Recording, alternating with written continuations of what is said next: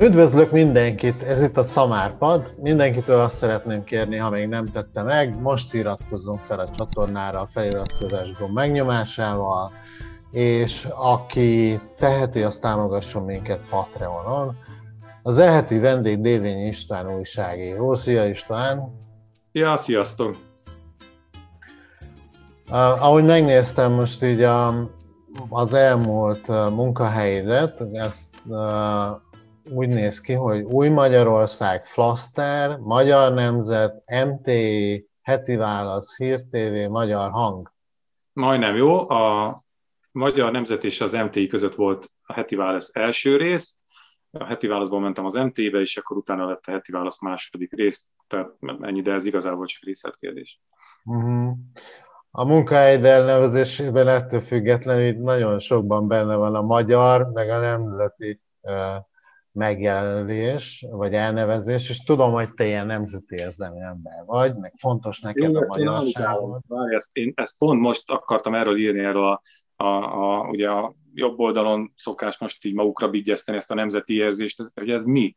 Mi az, hogy mi az, hogy nemzeti érzés? Tehát én ettől nagyon-nagyon rosszul vagyok, pont azért, mert hogy a számomra a nemzeti érzés az úgy van.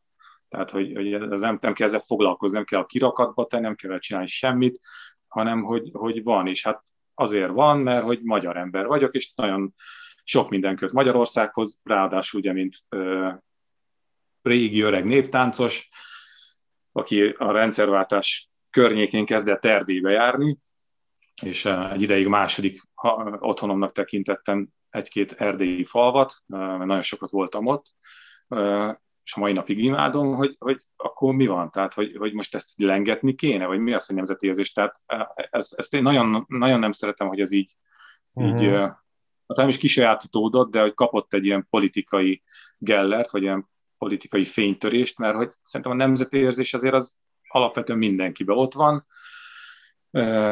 Ki hogy éli meg, ezt szeretném kérdezni, hogy ugye én ezt úgy élem meg, hogy így a, ez a magyarság, ez egy ilyen nagyon erős ilyen kulturális, meg nyelvi kód, ami bennem van, és ezt én nem is tudom levetkőzni, mert tudom, hogy ez már tíz éve külföldön élek, ezzel nem lehet mit tenni. Hogy, hogy ez hogy viseled ezt, hogy a magyar nemzeti öntudatot Magyarországon kisajátították, és nem összefogásra, hanem megosztásra használja a politika? és kisajátították a szimbólumokat, rátelepednek a kultúrára, és pártszimpátia alapon repkedsz ki igazából így a nemzetből olyanokat, akik... Figyelj, alapvetően úgy, hogy, hogy mert nem tudsz csinálni ellene semmit, ezért inkább nem, nem foglalkozom vele, és ugyanúgy megélem a, a magyarságomat, mint eddig. Hol büszkén, hol kevésképp büszkén, hol szomorúan, amire pedig büszke vagyok, azt meg, meg, meg úgymond azt kiteszem akkor én is, hogyha ezt, az, ezt a via kifejezést használtam a, a, a kirakatba. Tehát eh, büszke vagyok arra mondjuk, hogy tudok rengeteg népdalt, büszke vagyok arra, hogy tudok táncolni, büszke vagyok arra, hogy, hogy uh, uh, ismerem Erdélyt, büszke vagyok arra, hogy most már ismerem Magyarországot is, mert ugye most már két éve járom heti, meg valamikor napi rendszerességgel a vidéket. Egy csomó mindenre büszke vagyok, egy csomó mindenre meg, meg nem. És arra jöttem rá, hogy, hogy ha ne talán az ember ilyen hülye vitákba keveredik, mert hát sajnos ez előfordul, akkor, akkor ezt így oda kell tenni a vitába, és akkor nagyon nehezen tudnak vele mit kezdeni. Azért mert az lett mondva az embereknek, hogy ti vagytok, a, a, ti vagytok az igazi magyarok, mármint a választók egy részének ugye ezt mondják, hogy ti vagytok az igaz magyarok, és akkor egyszer csak, amikor találkoznak azzal, hogy a szerintük áruló, meg ilyen balos, meg nem tudom én figura, az ebben a nagyon buta koordinátorrendszer, nem is koordinátorrendszer, vagy a mérőszalaggal méricskélt magyarságban, ez lehet, hogy előrébb tart, mint ők. Mert lehet, hogy ő mondjuk nem tud népdalokat, meg lehet, hogy nem járt még életébe Erdélybe, meg, meg ilyenek, és akkor, akkor azzal hogy nem, nehezen tudnak mit kezdeni. Hát ez elég bonyolult volt, de maga a kérdés is, meg maga az egész szituáció is bonyolult, mert szerintem az lenne a normális, meg az egészséges, hogyha ezzel így nem is nagyon kéne törpölődni, nem, hogy most mit jelent a nemzeti, meg, meg kinek mit jelent, meg ki a nemzeti. Igen, ez egy ilyen mesterséges megosztás szerintem. Miután a Hír TV-től kirúgtak benneteket, elindítottátok a magyar hangot, és a YouTube-on két heti alkalommal rende, jelentkező közéleti műsorok, vagy heti alkalommal rendek, jelentkező közéleti műsorok szerkesztesz. Az egyik a kötött fogás, a másik a Flaster, valami saját YouTube csatornát is indítottál. Mennyire ért ez akkor váratlanul benneteket, ez a, az a változás? Volt-e már ilyen B-terved neked, vagy akkor kezdtetek el gondolkodni a továbbiakon? Ugye úgy, úgy voltunk, hogy a G-nap volt ilyen szempontból sokaknak meghatározó, és akkor a G-nap után a Simicska média az elkezdett normális médiaként működni. Megszűnt úgymond a, a politikai befolyásolás, ami azért addig a Fidesz részéről kőkeményen ott volt, bár egyébként én a heti válasznál dolgoztam, és a heti válasznál, ha volt is ilyen, akkor azért az a valahol a főszerkesztői szinten elakadt, mi ebből nem nagyon éreztünk semmit. Tehát én nem nagyon emlékszem olyan cikkre, amit ne írhattam volna meg, ilyen politikai okok miatt.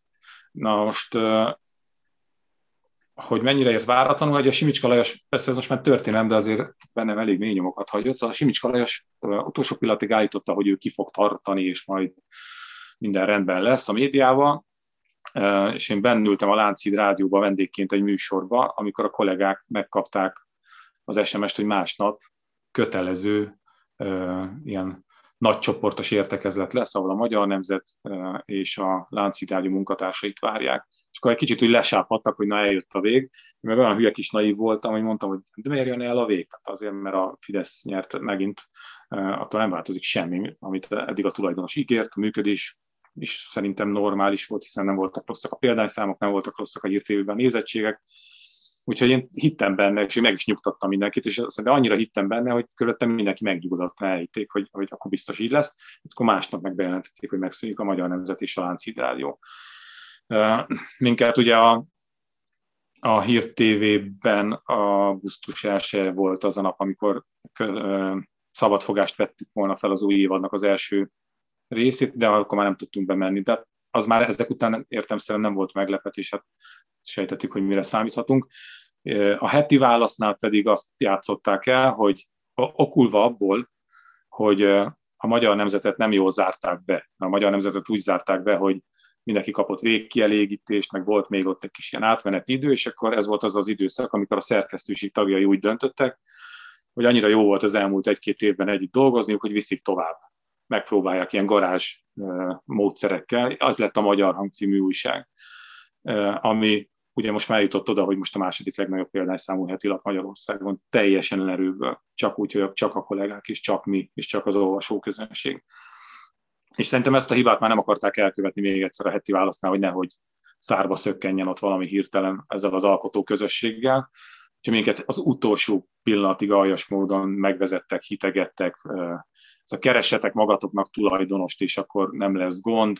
És akkor képzeld el, hogy talált is, Borókai Gábor talált is olyan embert, aki megvette volna a heti választ.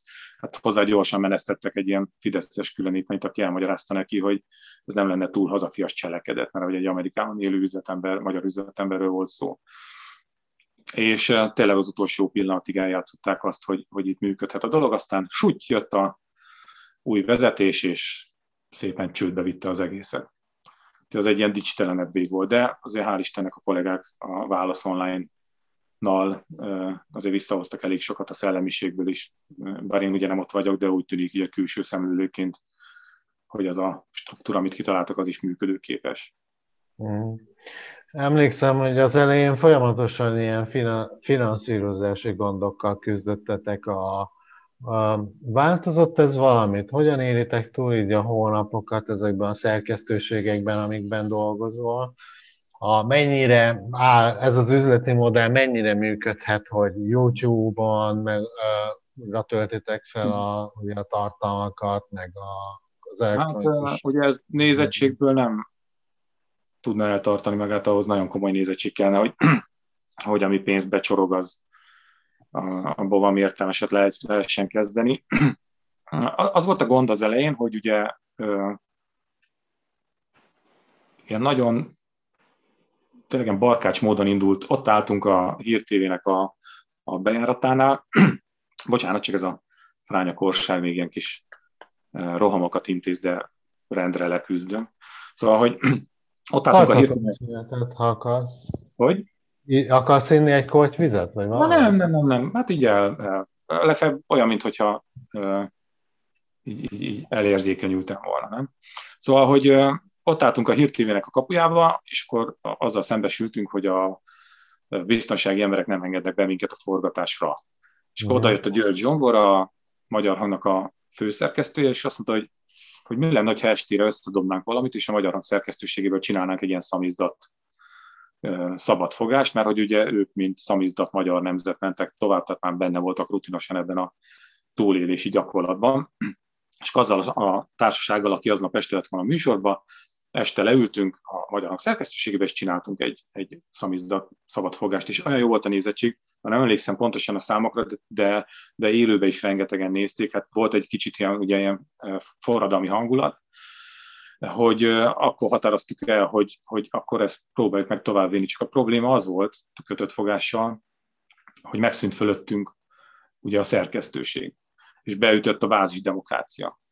Tehát azok az emberek, akik vendégként vettek részt a műsorban addig, és a szerkesztő hívta őket, meg a szerkesztő küldte az anyagokat, én magam is ugye szerkesztettem, és egyszer csak azzal találtuk szembe magunkat, hogy, hogy mindenki ott van ugyanazon a hierarchiai, amit média hierarchiai szinten, és akkor együtt kéne valamit közösen csinálni, úgyhogy ráadásul, hogyha azt a minőséget szeretnénk legalább közelíteni, amit a televíziós stúdió felvétel hozott, vagy produkált, akkor az pénzbe kerül. Úgyhogy ezért, ez, ezért volt nagyon küzdelmes, mert az voltak ilyen ötletek is, hogy vegyük fel két-három telefonnal, de hiába egyszerűen ez nem fog úgy működni. Egy-két szereplő, mi most így elbeszélgetünk, ez szerintem teljesen bevállalható, de amikor van egy műsorvezető, meg van öt vendég, ott, ott az már elhasonl, tehát ott már valamiféle technika kell. És akkor nagy nehezen, hogy, hogy találtunk stábot, akkor ők egy darabig uh, ilyen szintén ebben a média forradalmi hangulatban csinálták nekünk ingyen, de aztán ez költség, meg minden, és akkor küzdöttünk, honnan legyen pénz, akkor támogatók, akkor befolyt valamennyi összeg, mindig így menekültünk előre, és akkor utána jött az az ötlet, hogy, hogy csináljunk ilyen élő felvételeket, hogy ez lettek a kötött fogás extra, amikor közönség előtt vesszük fel, és akkor a közönség által fizetett jegy árból lehetett két-három műsort csinálni egy hónapban. Aztán én kiszálltam, mert hogy elfáradtam, mert hogy ugye szerkesztettem is a műsort, meg szerveztem is a műsort, és azért ez nem volt egyszerű, meg nem is ez az én világom, mert én egy mezei újságíró vagyok, és nem ilyen logisztikai zseni, és akkor a magyar hang úgymond befogadta a produkciót, és akkor most így, így, így rendeződött, hogy a, hogy a magyar hanghoz tartozik a kötött fogás is, meg a, meg a flaster is. De hát továbbra is a támogatásokra vagyunk utalva. A baj az, hogy ugye mi ilyen, ilyen kvázi ilyen első fecskék voltunk, és a szólásmondással ellentétben nyarat csináltunk, mert hogy rengetegen, hát nem a mi példánkat követték, hanem rengetegen tértek erre az útra is. Ha belegondolsz, hogy, hogy a két médiatöm áll egymással úgymond szemben, ott van a kormányzati kesma, meg a közmédia, másik oldalon meg a, a magát függetlennek valló, gondoló, hívő, sok szempontból az is médiacsoport, ahol majdnem mindenki most már támogatást gyűjt. Igen. És a közönség az nagyjából ugyanaz. És akkor ez a küzdelem az úgy néz ki, hogy, hogy van a közpénzek, a közpénz jellegét folyamatosan elveszítő közpénzekkel korlátlanul kitömött média rész, meg vagyunk mi, akik nagy részt ugyan arra a közönségre, vagy közönségnek műsort készítve várjuk a támogatást. Kicsit egyenlőtlen, de mégiscsak úgy tűnik, hogy, hogy valamennyire tud működni. És ilyen szempontból például a magyar hang az, az nem csak egy sikeres történet, hanem, hanem üzletileg is, médiailag is sikeres történet, és erre így nagyon büszkék vagyunk. Mert ugye itt yeah. annyi az üzlet, úgymond, az üzletet idézőjelbe téve, vagy inkább egyenlet, vagy megállapodás, hogyha mi jó újságot készítünk, akkor azt megveszik az olvasók is. Hogyha sok olvasó veszi meg, akkor tudunk jó újságot készíteni. És az a példányszám, ami most van, az olyan 12-13 ezer közötti hetente, amit eladunk alapból, ez megteremti azt a feltételt, hogy ez a nem túl nagy szerkesztőség, ez a közösség, nem is szerkesztőség, ez inkább közösség, az, az úgy, hogy nincsenek egyébként hirdetéseink, tudjon működni, tudjon élni. Egyáltalán nincs hirdetésetek? Hát szokott lenni, nagyon ritkán egy-kettő így beesik, de, de ilyen komolyabb kampányokban nem szoktunk bekerülni. Nem, nem tudom miért egyébként, mert, mert mert azért ellenzéki lapokban, meg ellenzéki felületeken előfordulnak hirdetési kampányok, akárhogy is nézzük, azért mm. lehet megkerülni mégiscsak a fél országot, hogyha az egész országnak szeretnénk hirdetni. Valamiért minket ezek úgy nem, nem igazán találnak meg. Tényleg nem tudom, hogy miért. Uh-huh. Volt olyan ezek után, amik elmeséltél, ugye a hírtévé után olyan periódus, hogy úgy gondoltad, hogy abba hagyod, és kiszállsz ebből inkább, mert túl nagy, vagy ez leküzdhetetlen feladat, vagy belefáradtál, vagy csalódott voltál? Volt, persze. Ö, hát mondom, a kötött fogásból azért szálltam ki, mert, mert tényleg elfáradtam. Tehát abba kell belegondolni, hogy ez most nem nyafogás, csak hogy, hogy, hogy is néz ki egy ilyen műsor, hogy van öt vendég, és van, van egy stáb, aki ugye rögzíti a műsort, és akkor mondjuk meg van beszélve, hogy csütörtökön délután kettőkor kezdődik a felvétel, és akkor csütörtökön 10 órakor rácsörög az egyik vendég, hogy neki nem jó. Mégse tud jönni, megbetegedett bármi, teljesen mindegy. És ugye ilyenkor, amikor egy szerkesztőség, egy televízió csinálná ezt az egészet, akkor ott van a rendszer, azonnal bekapcsolódik, van egy rakás vendég talomba, lehet hívni, és a többi, és a többi megoldják Ripstrops a problémát. Hát ez most nálunk úgy nézett ki, hogy akkor én elkezdtem telefonálgatni azokat az embereket, akire lehetett számítani a kötött fogásban ingyen, ugye, mert ez egy, egy, egy baráti műsor, ide ingyen jön mindenki szerepelni, és uh, akkor találtam valakit, mondtam neki, hogy el tudsz jönni délután kettőre, be tudsz ugrani ma. És akkor mondta, hogy tudom én, kettőre nem, de egyre igen. Nagyon jó, akkor mindig végig kell hívni mindenkit, hogy neki jó-e valakinek az egy óra, kiderül, hogy a stábnak nem jó az egy óra, de 11-kor tudna kezdeni. Akkor mind, tehát érted? És ezzel Igen. elmegy egy nap, sokszor, hát tudom én, és ez, ez annyira nem az én világom, meg annyira nem, nem ez nehéz, hát ez csináltam jól. emberrel is nagyon nehéz ezt összeegyeztetni. Igen, igen, igen, és nem, és, és nem is csináltam jól, tehát én ezt kétség, ezt nem, nem, nem, egyszerűen nem, nem, nem, nem, nem, belefáradtam, kész kiszálltam, és akkor most, a, most az, hogy, hogy megint én vezetgetem a műsort, az azért van, mert hogy a, karantén miatt ugye ez a Skype-os verzió fut, és akkor, akkor én ebbe beugrok. Aha. Nem én, megbeszik persze a témákat, de a, nem én a főszerkesztője a történetnek, és az, akkor nem, nem én szervezem a műsort, nem én, nem én szervezem a stávot, így már sokkal egyszerűbb, ez már kvázi egy, egy normális újságírói munka. A, amire meg talán inkább gondoltál a kérdésed, de persze, hogy volt, hát azért a, visszaemlékszünk arra az időszakra, hogy hogy mentünk a 2018-as választás felé, akkor a, a, a, az a hangulat volt, is benne volt a levegőben erősen, hogy itt valami, valami történhet. Igen. És uh, én például azt gondoltam, meg azt is hangoztattam, hogy, hogy nem számítok arra, hogy az ellenzék győzni fog, nem számítok arra, hogy súlyosat bukik a, a Fidesz, de, de egy olyanra számítottam, hogy esetleg mondjuk koalíciós kényszer lép fel, tehát mondjuk nem szerzi meg a több, megnyeri a választást, de nem szerzi meg a többséget. Nekem ez volt a, a, a legnagy, a legmerészebb álmom, úgymond, és úgy voltam ezzel, hogy ez, ez baromira jó lenne mindenkinek, mert a Fidesz megtanulná azt, hogy nem csinálhat meg mindent, mert egyszerűen nem, és akkor jön egy ilyen demokratikus pofon, ezt úgy neveztem el annak idején. A nép megtanulná azt, hogy hogy hiába van pénzparipa fegyver, akkor is meg lehet rengetni egy stabilnak látszó hatalmat, és a koalíciós kényszerben megtanítaná a pártokat arra, hogy valamit kezdjenek most már normálisan egymással talán. Hát ez volt azt hiszem a legidealistább álom, amit valaha, valaha valaki is magyar választásokkal kapcsolatban dédelgetett, és a, bennem akkor tört el a dolog, amikor néztem este a, a választást, és azt láttam, hogy, hogy Kósa Lajos, aki tényleg egészen szánalmasan leszerepelt ebbe a kampányba, mindenestől, emberileg, politikailag, erkölcsileg, morálisan, jogilag, de tényleg, tehát nem tudsz már olyat mondani, ami, ami ahol ne lett volna a béka segge alatt ez az ember, hogy ő 60 valahány százalékkal nyeri a választást. És akkor azt mondtam, hogy akkor itt nincs mit tenni. Tehát nem tudsz mit kezdeni mert hogy így úgy variálnak a választási körökkel, megátírják a szabályokat, meg a kőbevés vagy gránitba vésett alkotmányt akkor módosítják, amikor csak épp olyanjuk van. Tehát persze, ezeket mind lehet mondogatni. De Kósa Lajosról mindenki tudta, hogy mi, és mégis 65%-ot szerzett, és akkor valahogy úgy éreztem, hogy, hogy az nem baj, hogyha egy publicista, egy újságíró az a ország helyzetének és a, a, a, a, a meg a népnek is egy kicsit így, a, hogy is mondjam, így a jobbítását, vagy, vagy, vagy, vagy jobbá tevését, mint, mint, mint hivatás célját, mint a hivatás célját, azt így, így maga elé tűzi, de ott este akkor én fogtam ezt a keresztet, és akkor azt így leraktam. Azt mondtam, hogy, hogy ez egyszerűen, egyszerűen sok, egyszerűen nagy. És akkor egy kicsit úgy el is távolodtam, ezért kezdtem el például az országot járni inkább, mert jó volt egy-egy napra kiszakadni a, a hülye, hülye magyar politikából. De hát visszasunyogott ez a macsak közélet, ez olyan, mint a koronavírus, hogy nehezen engedi az embert. Hát úgy néz ki, hogy ha erre tetted fel az életed, akkor ha tetszik, ha nem, ezzel kell foglalkozni. Igen.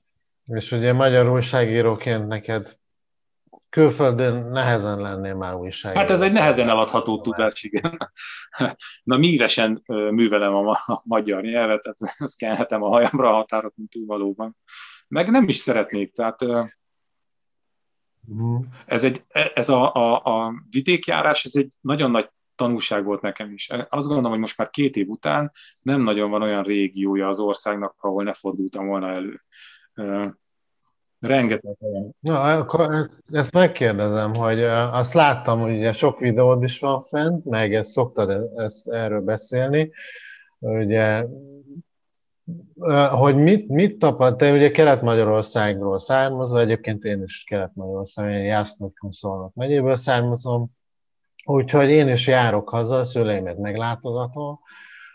Te mit tapasztaltál, hogy az elmúlt ilyen tíz évben mit változott, javult az infrastruktúra, munkahelyek teremtődtek-e tényleg, az emberek felszabadultak, és meg nagyon milyen boldogan élik meg a mindennapjaikat. Hogy, hogy látod ezt? Mi változott-e, vagy, vagy, vagy, vagy, vagy Ugye, ez, ez, ez nagyon-nagyon régiófüggő. Tehát a, a mindenki által utált, utált válasz az az, hogy is-is. Tehát vannak olyan régiók, amelyek tényleg szányra kaptak, főleg az, ahol van jelentős belföldi és pláne külföldi idegenforgalom, azok nagyon pikpakra néznek ki. Tehát a Balaton-Füred baromi jó hely. Tehát a, a Balaton északi part, és nem a közvetlenül a part, hanem egyel fölötte, tehát a Balaton felvidék, Káli medence, tehát leesik az ember állam. Tehát mé, tudom májusban mész, gurulsz az úton, és egyszerűen úgy érzed magam, mint a Toszkánával lennél, fantasztikusan szép. Uh, nagyvárosok ugye azok azért működnek, tehát hogy régió függő a történet. Csak közben vannak olyan részek, ahol, ahol lassan már ilyen egész megyéket söpörnek be problémaként a, a szőnyeg alá. Mondjuk Borsod. Nem egész Borsod a Búj-Zemplén, mert ott az Empléni rész ugye megint csak más, a új az, hát amikor az elég cudar volt régen is, de, de Borsod az, az katasztrófa. Tehát a, a, ott én most majd a rendszeresen visszajárok, szoktam egy ilyen kört menni, hogy hogy elindulok Miskolc mellől, és akkor a Takta völgyében föl, északra, és a Putnok, a, utána a, mm, Ószt felé lekanyarodok, és akkor vissza. A kettes út felé, vagy 21-es út felé. És és egyszerűen még mindig úgy vagyok vele sokszor, hogy nem hiszek a szememnek, csak ez a más negatív értelembe véve.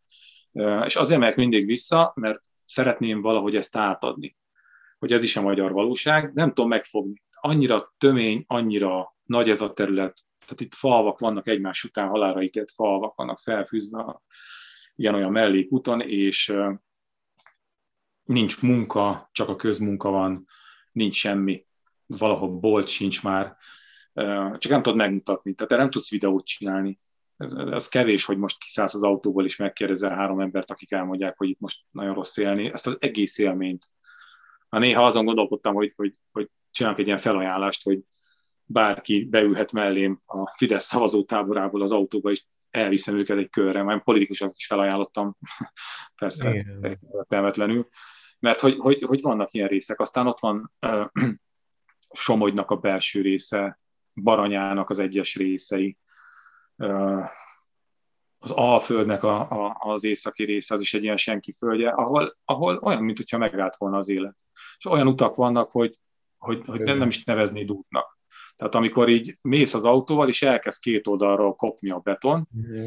és szép lassan rátszűkül a maradék aszfalt, mert ugye egy idő után már mindenki csak középen próbál boldogulni, mert szélen nem lehet, meg oda terepjáró kellene, és akkor ott mész, és abban reménykedsz, hogy ne jöjjön senki szemből. De egyébként jó fejek szoktak lenni a helyek, mert amikor látják, hogy valami szerencsétlen ide télet, akkor inkább ők lehúzódnak, és hagyják, hogy te ezen a maradék aszfaltcsíkon kóborolj. És ugye ez csak a, hát nem a díszlet, hanem hát nevezük díszletnek, ugye ez a nyomor díszlete, ahol élnek a, a, az emberek. Az, hogy hogy élnek az emberek, hát az meg a másik. Tehát az is, hogy, hogy nekem nagyon sokszor jut eszembe, amikor ezeket a vidékeket járom, és nem szándékosan, tehát nem úgy megyek, jó, a Borsodba vissza szoktam menni, visszanézek, de többi hely az ilyen rábölkök a térképen, és megnézem, hogy az adott helyen melyik a legkisebb falu, azt beírom, és akkor oda megyek, és amit látok útközben. Tehát nem szándékosan a, a roncs környékeket keresem föl. De ahogy látod, hogy hogy élnek az emberek, hát, hát Nekem nem, az, a, az volt nem, nem, nem, nagyon... Nem, nem, nem nagyon van mit csinálni például. Tehát egy kis faluban, ahol 30-an laknak, vagy 100-an laknak, de akár 200 nem nagyon tudsz mit csinálni. És amikor megszűnik a, a kocsma, ugye, ami régi, kulturális antropológiai tanulmányaink szerint a beszédcselekvés helyszíne volt, és megszűnik az is létezni, akkor megszűnik a bolt, már nincs miért nagyon kimenni az utcára, a földeket felvásárolták ugye a nagybirtokosok, tehát nem nagyon tudnak már gazdálkodni sem, mert ezt mindig ezt szokták mondani, hogy is akkor a családi gazdaságok. A családi gazdaságok is nagyon sok helyen elvesztették a földjeiket, és ami, ami megmaradt, az kevés. És az nagyon sokszor már annyira kevés, hogy már annyira se foglalkoznak vele, hogy mondjuk a háztáit megtermeljék, mert egyszerűbb be, beülni a községi, meg a falusi ilyen közösségi kisbuszba, és bemenni hetente kétszer vás, bevásárolni az Osamba vagy a Tesco-ba. Fiatalok nincsenek, ja. ezek a kis falvakban a 30-as korosztály is már, már, már mutatóba se, de már a 40-es se nagyon. Viszont majdnem mindenhol van egy ilyen Európai Uniós játszótér, az mindig hát ilyen, ilyen megmosolyogtat, de nem tudom, van olyan, hogy ironikus mosoly, akkor azt szokta, azt szokta az arcomra csalni. Előregszenek ezek a települések, és aztán most van egy új jelenség, az, hogyha az utolsó, ez most már a kisvárosokban is jellemző, például az én szülővárosomban, Sátrajóhelyen is, hogy ugye ahol nincs a közelben, vagy nincs az adott településen felsőoktatási intézmény, ott a fiatalok kénytelenek elmenni valahova messzire tanulni. És azzal szembesülnek, amikor megszerzik a diplomát, hogy nem nagyon látják, hogy miért is kellene nekik visszamenniük, pedig szeretnének, de uh-huh. hogy nincs miért, hogy nem tudnak. És most van egy új jelenség, hogy a szülők, amikor az utolsó gyerek is kirepült, akkor utánuk költöznek. És az én szülővárosom például, amikor én ott újságírói skottam, rendszerváltás környékén, akkor ilyen 19-20 ezes lélekszámú város volt. Most meg 13. És az, azért az durva. És a kis településeken, meg a falvakban, a községekben ez még gyorsabb, mert még kisebb ugye a megtartó ereje.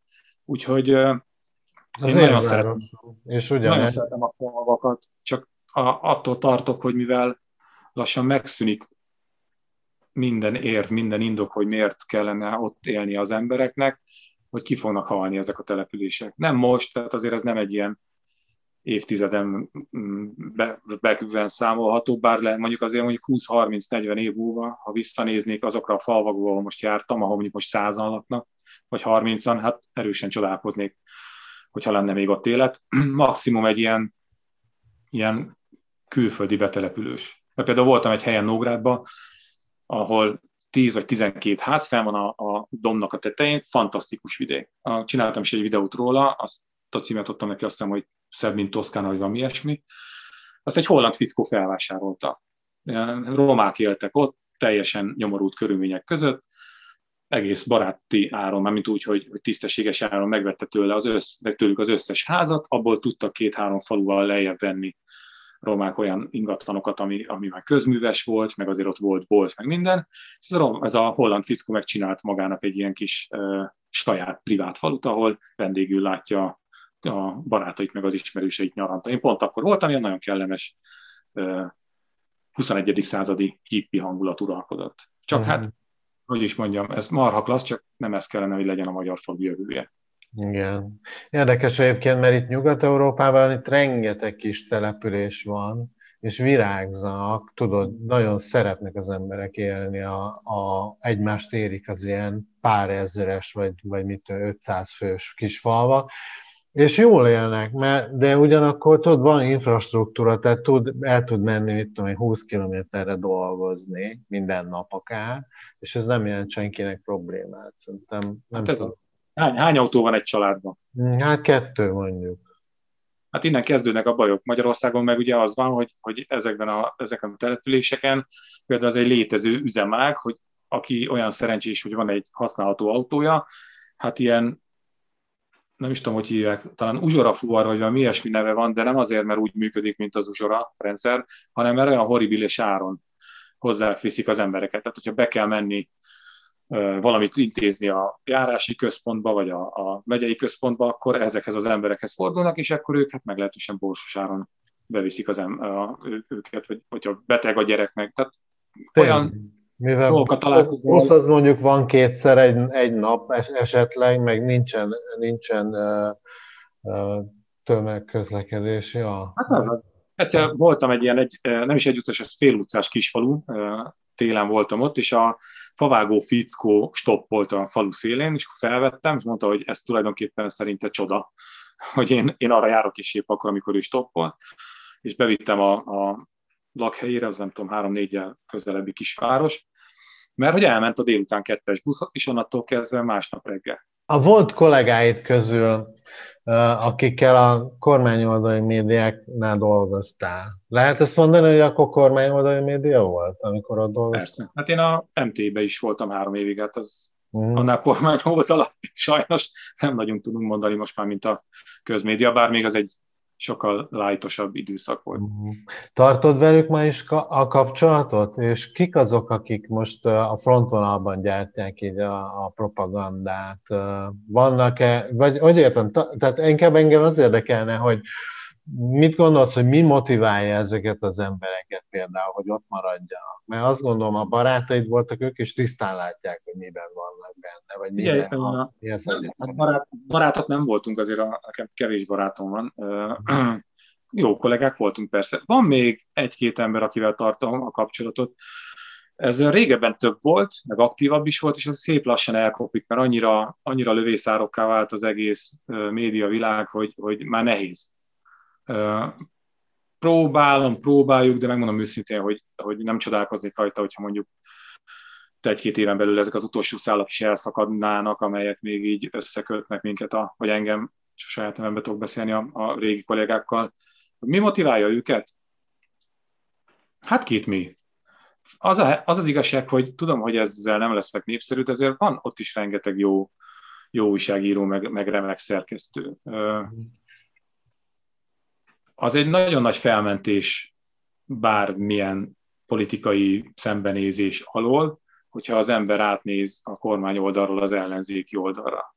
Tehát amikor azt látod, hogy hogy néz ki ez a koalíció, hogy hogy működik, vagy ez a kényszerkoalíció, bár ugye most formálódik, tehát azért még nem kéne talán elásni teljesen, de mondjuk az ő szemükkel nézve, tehát most, most próbáljuk meg a, a kormány oldal lévő akárkinek a helyébe képzelni magunkat, és onnan nézzünk át a ellenoldalra, akkor mit látunk? Azt látjuk, hogy Gyurcsány Ferenc.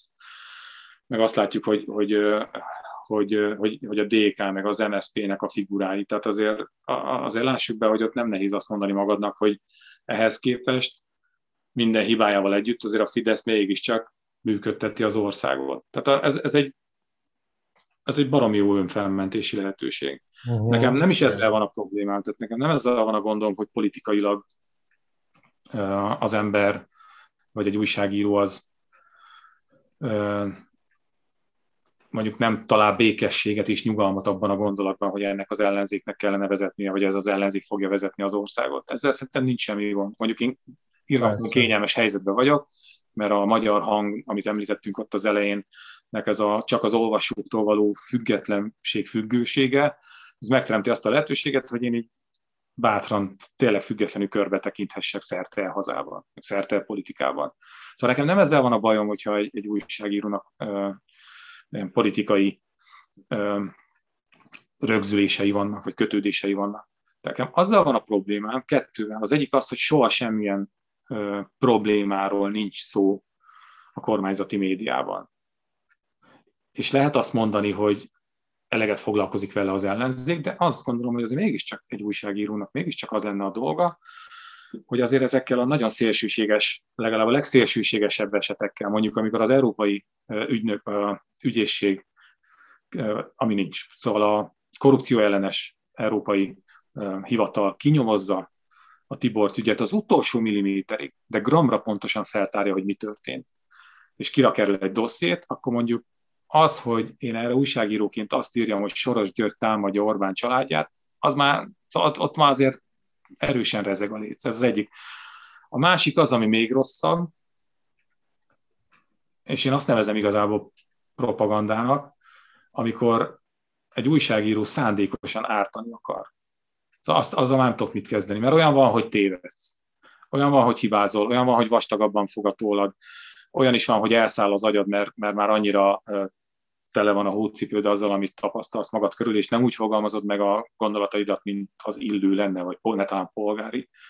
De az, hogy, hogy te úgy ülj neki bármilyen anyagot készíteni, vagy akár csak rányomni az enter, hogy azért tudod, hogy az kamu és egyetlen célja van, hogy a, ennek az anyagnak a célpontját lejárassa, meg rossz színben tüntesse fel, meg kicsinálja, na, szóval szerintem ott, ott ér véget az újságírás. És nekem ilyen direkt propagandista ismerőseim azért nincsenek. Publicisták vannak, amit a kormány oldalon, de, de mégiscsak mindenki részt vesz ebben a történetben valahol. És azt szerintem az nagyon-nagyon gáz. Erről azért régebben vitatkoztunk, most már, most már nem nagyon. Ugye mindenki azt mondja, hogy ebben, ebben a CASMA rendszerben úgy történnek a dolgok, hogy van a központi elosztás, és hát mi csak átvettük az anyagot. Oké, okay, de Mm-mm. Szóval mondom röviden, számomra ott ér véget az újságírás, amikor egy média felület szándékosan akar kárt okozni valakinek. Mm.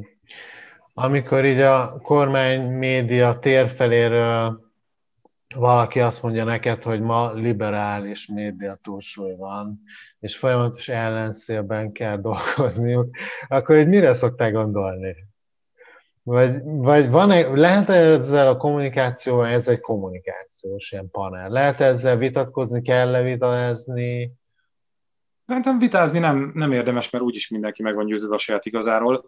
Én arra szoktam ilyenkor gondolni, hogy, hogy mindig az jut eszembe, hogy, hogy, menj, hogy azért ez itt valahol az első média háború környékén indult ez az egész mostani állapot. Tehát az, hogy ez kialakult, azért ez nem véletlenül van így, és ebben nem csak a Fidesz van benne. És ez, ez, ez, megint csak nem egy népszerű ilyen gondolatsor, meg, meg nem is nagyon szoktak vele foglalkozni mostanában. De, de azért én dolgoztam úgy jobboldali médiában, hogy voltunk mi, konkrétan mondjuk az Új Magyarország, volt a Magyar Nemzet, ami olyan se ide, se oda lap volt, és ezen kívül nem volt a magyar jobboldalnak semmilyen. Uh és azért az tényleg ellensú, vagy, vagy az tényleg ellenszél volt. És onnan indultunk, és csak utána lett csak az, hogy utána lett a Hír TV, utána lett a, a Új Magyarország, az bedöglött, ugye, utána lett a Napi Magyarország, bocska, mert ez nagyon pici lap volt, ahogy elindult, tehát volt a Napi Magyarország, aztán lett a Hír TV, és körülötte ott volt valóban a baloldali és liberális hatalmi körök, meg gazdasági körök által uralt teljes médiarendszer, plusz a közmédia, ami mindig olyan volt, amilyen, Ilyen sosem nem volt, tehát ilyen tudar, mint most azért soha nem volt, de azért mindig inkább a hatalma lévők felé húzott. Hát most befeküdt, de annak idején meghúzott. És ez hát azért ez a... 10-12 évvel ezelőtt volt. Körülbelül. Igen, de hát a, a, a, sőt, hát még régebben. Tehát a, én mikor is kerültem, vagy költöztem Budapest 1998-ban. És és akkor az új Magyarországnál kezdtem el dolgozni, ami aztán hamar csődbe is ment. Szóval, hogy, hogy azért ez az egész, ez innen indult. Tehát az, hogy a, a Fidesz az foggal, körömmel, kézzel, mindenféle eszközzel kaparja maga alá a médiát, az abból a történelmi tanulságokból származik, hogy média nélkül meg vagy lőve, mert meg voltak ők is lőve.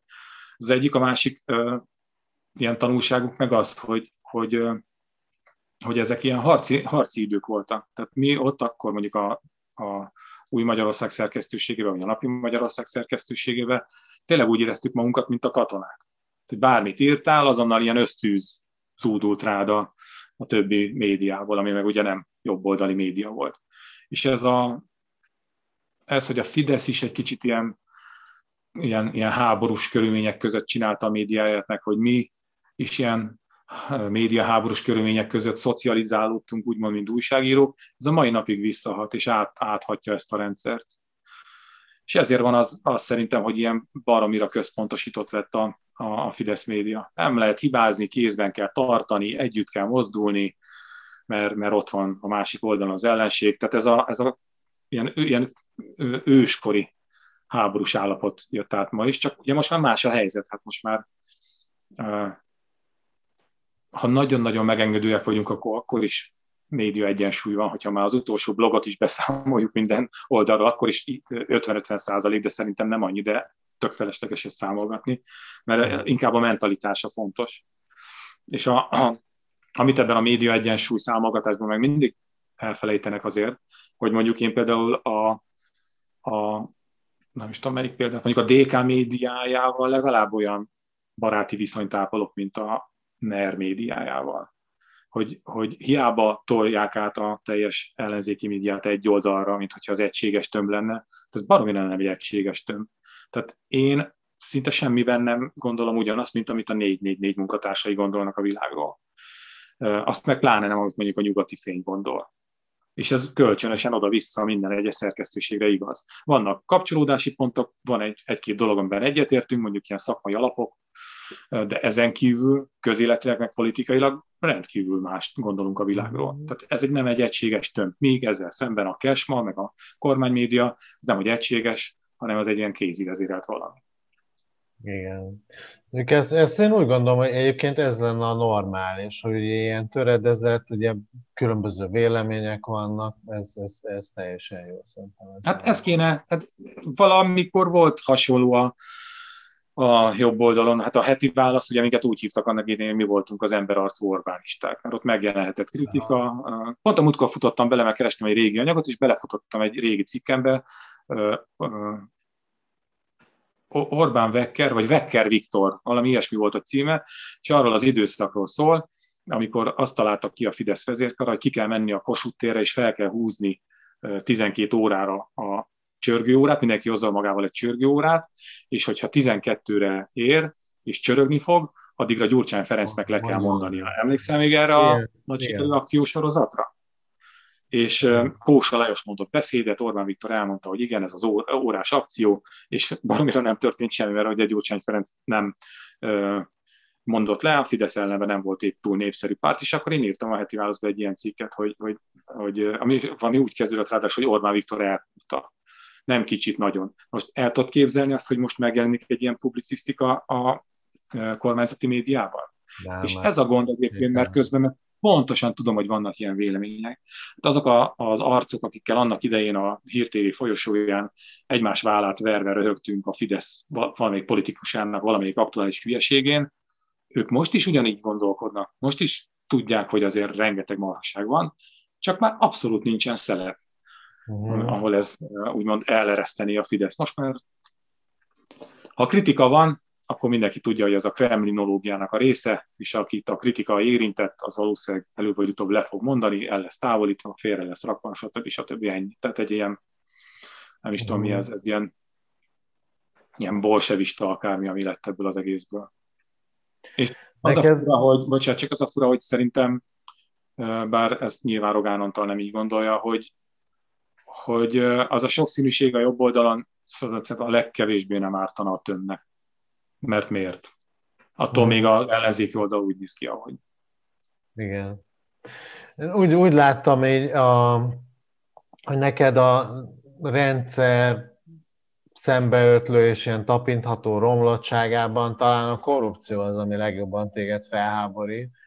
Volt uh, valami ilyen nagy megvilágosodási pillanatod, uh, hogy folyamatosan ábrándulták ki, és hogy mi, mi így a legnagyobb hazugsága ennek az egész rendszernek szerinted, ami van?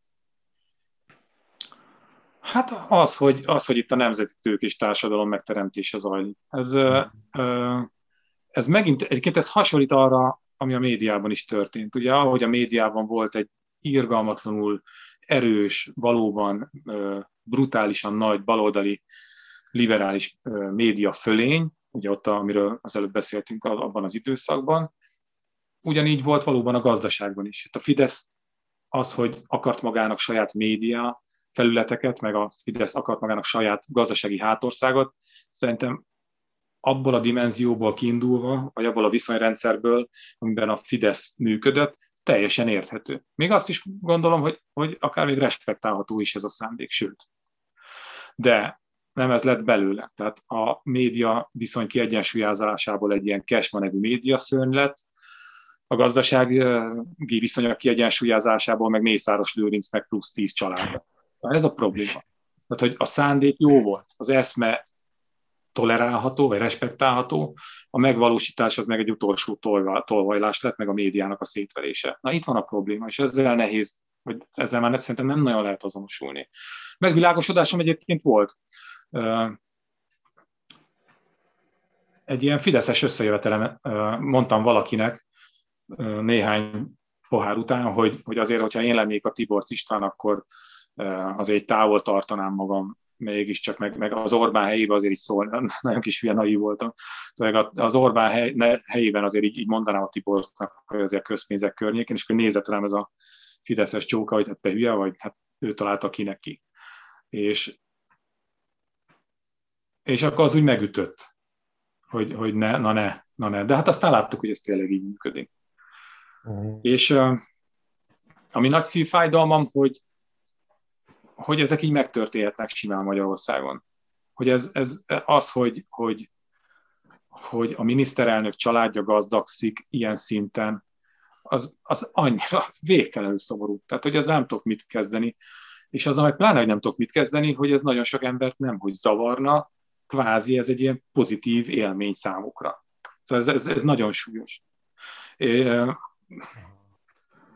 Hát sajnos láttam magam körül azt, hogy, hogy, hogy, hogy azért ez a mentalitás, ez, ez nem csak a legfelsőbb szinteken működik, hanem, hanem ilyen közép, meg kisfelső vezetői szinten is, hogy amikor van valakinek már havi másfél millió forintos fizetése, akkor nem, nem, nem azon ténykedik, hogy, hogy, hogy ezt, ezt, ezt jó munkával, meg a közösségért végzett tevékenységgel, jó munkával meghálálja, hanem elkezd azon agyalni, hogy, hogy kéne akkor csinálni egy BT-t, és akkor, hogyha az a BT külső gyártásban megcsinálná azt a műsort, ami most belső gyártásban van, akkor nem másfél millió lenne havonta, hanem 2,2. És akkor miért ne legyen meg az a plusz 700 is? És annyiszor láttam ezt magam körül, és ez is annyira kiábrándító. Úgyhogy, uh-huh. úgyhogy nekem a, amikor így az MT miatt, vagy az MT-n keresztül nem kerültem közel a tűzhöz, hanem annyi történt, hogy elkezdett időnként fellebbenni a fátyol, és beláttam a színfalak mögé, akkor, az nekem, akkor nekem abban az volt a tanulság, hogy, hogy ezt a polgári Magyarországot, ezt azt hiszem jobb, hogyha ezt így elengedjük. Mert nem nagyon fog nekünk összejönni. És akkor én próbáltam, még így kapaszkodtam belé, meg, meg, meg hátha, meg hátha, de most már, azt gondolom, most már végképp azt gondolom, hogy ez nekünk nem fog összejönni. Közeledni, közeledhetünk felé, de, nem hiszek benne, hogy ez sikerülne. Mhm. Sajnos. Én azt látom, hogy most már az élet minden területéről így szorítják ki így a másképp, vagy a kritikusan gondolkodókat, ugye a médiában, a kultúrában, de most már a munkahelyeken is egészségügy, felsőoktatásban, sport, aki nem simul be, az így egyből elveszti a megélhetését, és mehet külföldre, vagy vagy nem tudom, egy kisebb játékterem maradt. Viszont ha belesimulsz, akkor anyagilag jól lehet járni azért itt Magyarországon, úgy, mint a Kádár rendszerben is autóval, banánnal, panellakással fizették eh, meg az emberek hallgatását. Most, ha ügyes vagy, szerintem így komoly vagyonokat lehet összerakni igen rövid idő alatt, már viszonylag alacsony szinteken is. Meg tudsz csinálni szerinted te még négy vagy öt ilyen keményebb évet, mondjuk így ellenzéki újságíróként, vagy ilyen független újságíróként. Milyen jövője van a független újságírásnak szerinted Magyarországon, ha Orbán Viktor és a pártja marad hatalmon? Mik a terveid? Van terved így, az, vagy az elkövetkezendő évekre? Nem, most már megvárom azért ezt a, ezt a választást, hogy mi sül ki belőle, és nem azért, hogy majd uh, akkor nekem fog lepotyogni a húsos fazékhoz vezető úthoz tartozó térkép, mert hát a középen megvan az a gyönyörűsége, hogy mindegyik pártból egységesen nem szeretnek. Szóval, hogy azért várom meg most már mindenképpen ezt a, a következő választást, mert ez a 2018-as ábrán, de ez most egy kicsit megint elkezdett feléledni bennem, hogy, hogy hát ha lesz egy ilyen demokratikus pofon. És, és, és lehet, hogy ez a koalíció, ami utána átveszi az országot, mondjuk atomjára esik szét egy éven belül, és a Fidesz nyolc negyeddel tér vissza. Minden elképzelhető. De akkor is ott lesz benne, mindannyiunkban ott lesz az, hogy lehet fúrni, faragni, reszelni, ide-oda csavargatni a potmétereket. Amíg demokrácia van, addig a nép kezében van a hatalom, és ez a fránya nép időnként tud élni vele, még akkor is, hogyha ez az elitnek nem tetszik. Szóval, ha ez a, ennek a választásnak lesz egy ilyen végkifejlete, akkor azt gondolom, hogy Magyarország mégiscsak jobb helyé tud válni, és akkor mi újságírók is talán egy kicsit békésebb, vagy nem tudom, normálisabb viszonyok között tudjuk majd tenni a dolgunkat. Hát nem tudom, meddig tart ki. Mondom, a magyar hangnak a struktúrája és a működése az most olyan, hogy, hogy így azért el tudunk üzemelni, és, és szakmailag ez egy baromi jó dolog, mert arról írsz, mm. amiről akarsz, azzal csinálsz interjút, akivel csak akarsz, olyan gondolatot fogalmazom meg, ami csak eszedbe jut, még az is előfordul, hogy szerkesztőségen belül nem értünk egyet valamiben, és az egyik publicista azt írja, hogy szerinte ez van, a másik publicista meg azt írja, hogy szerinte meg nem az van.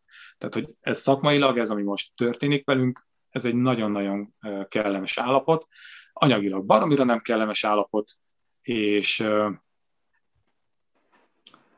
és hivatástudatban meg azért nem kellemes állapot, mert az, hogy mi a kormány és a kormány oldal számára nem létezünk, az rettenetesen megkeseríti a, az újságírói létet. Tehát az, hogy nem kapsz válaszokat, hogy semmibe vesznek, hogy nem hívnak meg, hogyha valamit megírsz, akkor lazán rásütik, hogy fake news, miközben dolgoztál rajta mondjuk egy hónapot, ezek azért tudják darálni az embert. Most írtam például egy riportot az egészségügyről, beszéltem több ápolóval, ápolónőkkel, betegekkel, és ugye mindenki név nélkül nyilatkozik. Elmondták a dolgokat, mi a helyzet a színfalak mögött, mert ugye a kórházakban nem lehet bemenni egészségügyisek, nem nyilatkozhatnak, és akkor úgymond kelhetem a hajamra. Mert hiába mondják el, hogy szóról szóra, hogy mi a helyzet. Hiába írom meg azt, hogy mi a valóság a színfalak mögött, mivel név és arc nélkül mernek csak nyilatkozni, így bármikor, ha egyáltalán eljutna olyan szintre egy ilyen anyag, hogy foglalkozzam vele mondjuk a kormány, a kormánymédia, azt mondják, hogy ugyan már név meg arc nélkül, hát ez, ez kamu, ez fake news. Szóval e, én ebbe bízom, és nem vagyok nagy rajongója ennek a alakuló koalíciónak, hát aki valamelyen szinten követte az én munkásságomat, az látta, hogy azért jó kis csetepatény voltak nem egyik, nem másik e, ellenzéki pártal, meg azoknak a képviselőivel, és ez szerintem így is fog maradni, de, de két dolgot remélek attól, hogyha ne talán mégiscsak ők nyernének, akkor az megváltozik. És az egyik az pont az, hogy, hogy a nyilvánosság talán egy kicsit visszább zökkenne a, a normális viszonyok közé. Mert azt nem tudom elhinni, hogy, hogy, vagy feltételezni azt, hogy egy ilyen tíz éves vagy ugye majd akkor 12 évnyi uh, nyilvánosság szűkítés után egy ellenzéki koalíciós kormány azt mondja egy szerkesztőségnek, hogy neked nem nyilatkozom, mm. vagy nem válaszolok. Nem. Bízom benne, hogy az a, az a valamiféle, nem együttműködés ez, ami van most itt a, a nem kormánypárti ö, szerkesztőségek között, hanem ilyen, hogy is mondjam, kicsit odafigyelés a másikra talán az, az, az megmarad majd akkor is, és hogyha mondjuk a magyar hangnak mondja majd azt a MSZP-s miniszter, hogy coki, akkor majd az egész média azt mondja, hogy nem, nem mondjuk azt, hogy coki, mert eleget hallgattuk az elmúlt 12 évben. Azt majd lehet, hogy az lesz, hogy csinálsz majd akkor is egy interjút velem, és elmondom, hogy az ugyanolyan ábránd volt, mint a 2018-as, de most így bennem van, hogy hát, ha azért javulhat a helyzet. Mm. Én is azt látom, ami mondjuk pozitív hozadéka ennek, hogy tényleg képült egyfajta ilyen szolidaritás így ezek között a független médiumok között, ez mindenképpen jó, és ez biztos, hogy meg is fog maradni, meg, meg tényleg amit mondasz, így, ha, ha kormányváltás lesz, hogyha ezt a gyakorlatot nem lehet folytatni, mert hogyha ezt folytatják, akkor azon pillanatban repülnek, érted, akkor menni kell onnan. Akkor én, én, én is hazamegyek és tüntetni fogok, érted, hogy vissza a Fidesz. Pontosan, pontosan, pontosan, és az is benne van ebben a pakliban, hogy ezt a koalíciót azért valóban egy kicsit, nem kicsit, a, az Orbán Viktor tevékenységével szembeni irgalmatlan elég, elégedetlenség tartja össze, vagy kalapálta össze. Mm. Most azok a választók, akik azt mondják, hogy, hogy nekem nagyon nem tetszik ez a párt, vagy az a párt, de még arra is hajlandó vagyok, hogy az adott esetben, hogyha az ő emberük nyeri az előválasztást, behúzzam rá az X-et. Ezek a tömegek azt várják ettől a koalíciótól, hogy egyrészt tisztább lesz, mint a Fidesz kormány, és tisztább lesz a kormányzás, mint az Fidesz kormányzása. És a másik, ami nagyon fontos, hogy igenis lesz valamiféle elszámoltatás. És itt most nem kell rettegni, mert ilyenkor szoktak elkezdeni azonnal rettegni, meg petíciót írni a, a kormánykárti értelmiségiek, meg a, a újságírók, meg a médiamunkások. Nem erről van szó, hanem a már említett divorc ügyről például. Ami ki van nyomozva ától cettig, ott tessék, lehet azzal foglalkozni. Meg azért van egy-két ilyen ügy, ami mondjuk azért én a letelepedési kötvények környékén se érzem olyan túl kemény feladatnak a, adott esetben az ügyészi tevékenységet. Nem hiszem, hogy ott azért nagyon sokat kéne melúzni vele, hogy bibis pontokra lejjen egy megfelelő ügyész. Tehát azért vannak. Azokat igenis, igenis ott, ott ezekkel a dolgokkal foglalkozni kell. Na most, hogyha a következő kormány adott esetben egy ilyen szivárvány koalíció, vagy ahogy szoktuk nevezni, a hazafias népfront kormánya, nem lesz tiszta. Hasonló stikliket csinál, és mondjuk nem szedi elő a Fidesznek azokat az ügyeit, gazdaság, gazdasági ügyeit, amit simán elő lehet szedni, akkor, akkor viszont mennek a levesbe, és akkor, akkor tényleg.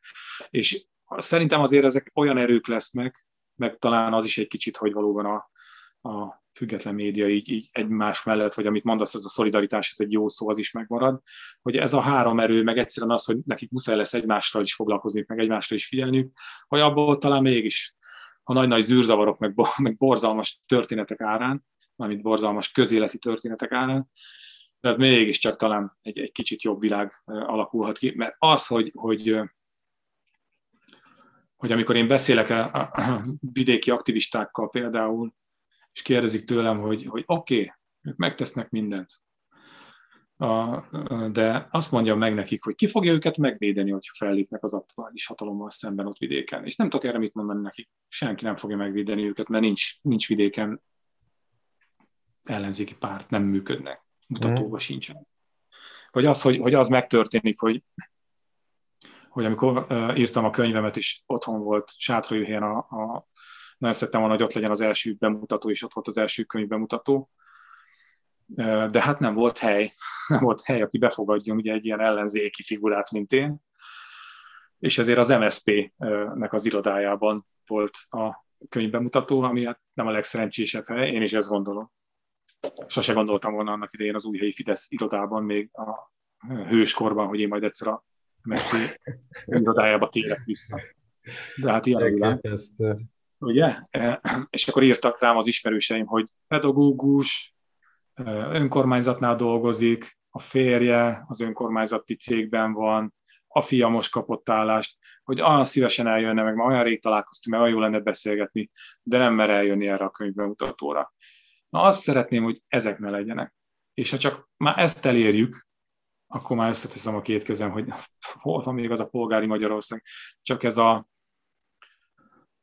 ez a bujkálós, félős, rettegős, amit mondtál, ez a simulós, ennek a világnak tényleg meg kellene szűnnie, mert, mert ha azt tanulják meg a fiatalok, hogy, hogy ha szembe mész, ráfaragsz, ha szembe mész, akkor elköltözhetsz, ha besimulsz, akkor valamire juthatsz, csak nem lesz jó a szájízed.